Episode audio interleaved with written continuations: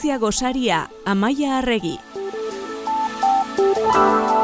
Baika zurte berriarekin batera berreskuratu ditugu, zientzia gosaria maia erregin donostia International Physics Centerreko zientzialari eta komunikazio teknikaria. Ongi etorri baltan.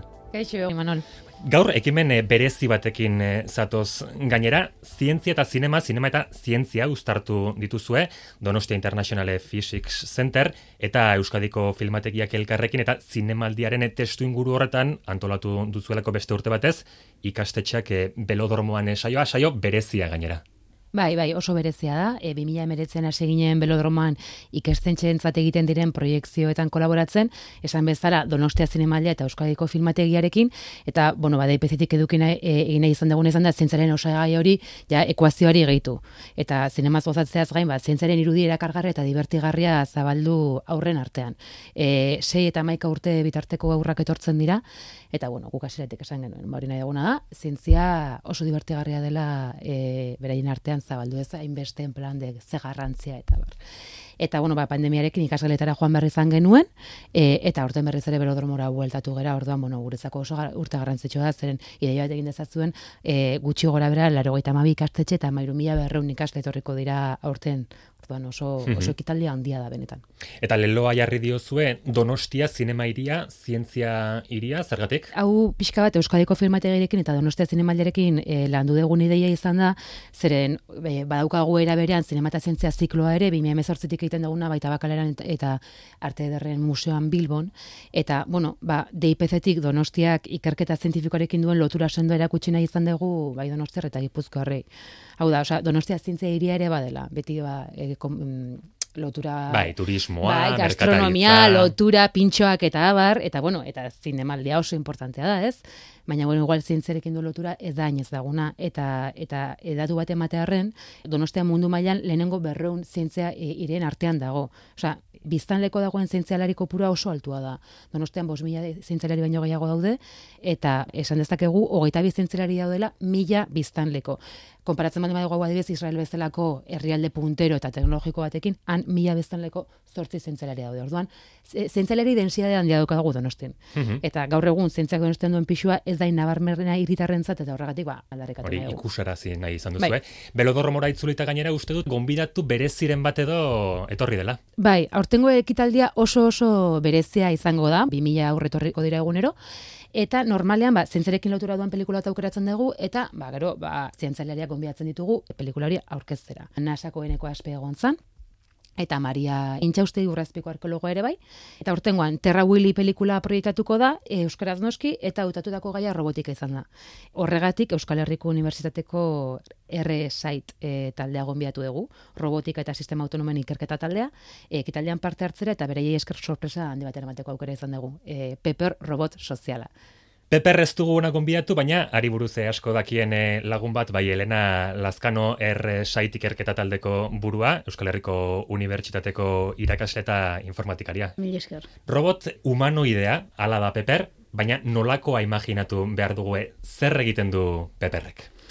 Bueno, humanoide etiketa jartzen malin badio igual horretik, giza e, ezaugarri batzuk badituela adirazi nahi du, bai? Zangorik ez dauka, e, bai gerria eta belaunantzeko zerbait, baina e, besoak bai, eskuak bai, eta e, aurpegi nahiko erakargarria ere badu. Aurkezpena, aurren e, aurrean egin zenuten, eskoletako umen e, aurrean egin zenuten aurkezpen hori, zer moduz joan zen? Oso oso ondo, espero genuna, e, baina desente lasaiago, eta egia esan da oso pozik. Robot humanoidea esan dugu, zuk e, robotika sozialean egiten duzu lan, zer da hori? Bueno, e, robotak aipatzen ditugunean, e, burura etortze zaigun lehenengo gauza robot industrialak dira, bai? Mhm. Baina inorkeztu nahi, e, olako gauza bat etxean euki, ba, naiz eta lana errastu, ezta? Robot sozialak, robot lagunak dira, ba, gure artean txertatuta bizitzeko prestatuko diranak. Oraindik ez daude horretarako e, prest, baina, bueno, ba, bidean gabiltza. Orduan, asumitzen duguna da, robot sozialak portatuko dirala, edo gurekin arituko dirala, gurekin komunikatuko dirala, guk gure artean egiten dugun bezala. Bidean e, zabiltzatela esan duzu, helburua zein litzake, nola integratuko lirateke robotoiek eh, gizartean? Bueno, e, teknologiak albidetzen duen moduan, eta guk nahi dugun, guk eskatuko dugun e, moduan. Bueno, hori da gure gure filosofia behintzat, bai, baina bai euki etxean kide e, robotiko bat mhm. laguntzeko. Dena dela horiek eh, etorkizuneko kontuak lirateke, akaso etorkizun hurbileko kontuak, e, zukelena urte asko dara matzazu lanean, e, robotika mundu honetan asko aldatu alda. Bai, bai, gauzak asko aldatu dira, e, hasieran adimena zan helburua, erronka nagusia adimena lantzea zan, baina gorputzik etzegon, e, urteekin, bueno, gorputzaren garrantziaz ohartu dira e, zintzilari eta ikerlariak, eta gorputza ikaragarri garatu da, e, gaur egun mm, fizikoki oso ataza eta oso ekintza bereziak egiten dituten robotak daude, baina voltatu gara pixka bat hasierako e, erronka horretara, dala, bueno, ba, e, behin gorputza daukagula orain adimena gure mailako adimena falta zaigu. Eta iritsiko alda puntu hori roboteke gizakien ainako adimena izango dutena? Bueno, behar bada, behar bada. E, nik ez dut ezagutuko, hori da nire leloa. E, seguraski asko bai, guztiz, ikusiko dugu. Eta gero akaso etorriko dira etikari buruzko eztabaidak eta alakoak. Ez dakite zuen lanean horri buruz eztabaidatzen e, ote duzuen?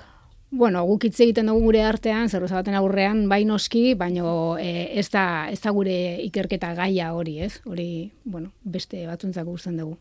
errobote humanoidez e, aritu gara, baina esan duzu, aipatu duzu, errobote industrialak ere badaudela, sektore hori ere ari da, zabaldu eta eta zabaldu.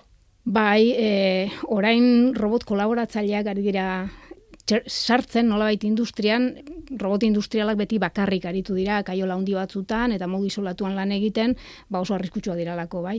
Orain bilatzen den irudia da, e, pertsona batekin elkarlanean arituko dan robota, e, gizakiaren presentzia zerduratzen dana, eta, bueno, ba, ba arrisku maila e, erabat kontrolatuta daukana.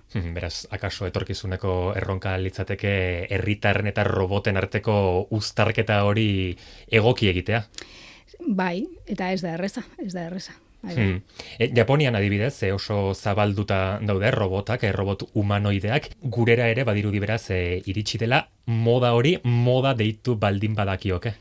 Ba, egia da, hango kulturan e, robotak errezago integratzen dirala, eh, dituztela beraiek, guri gehiago kostatzen zaigu, e, agian, beti guri zinemak eragutsi digulako robotak dirala gaiztoak, ez pelikulako gaiztoa, beti robota izan da, eta han aldiz ez da, ez da horrela izan, ez da horrela gertatu, e, zer, ez kulturala da. Bai, nik uste pixkanaka ona ere e, iritsiko dala, bai, uste Bilbon badagoela e, robot bat zerbitzari lanetan jatetxe batean, ez dakitzen bateraino egokia dan, ez nahi zegoen, baino pixkanaka pixkanaka etorriko da, noski, gauza mhm. etortzen dira bezala. Adibidez, e, zaintzari dago kionez froga pilotak eta egiten hasi dira, igual ez dago hori oso garatoren, baina ni telebizan ikusi da zeo zer ba, e, bueno, zarrego hitzetan eta nahi dituztela nolabait e, robotak txertatu, ba, gimnasia egiteko eta horrelako gauzetarako.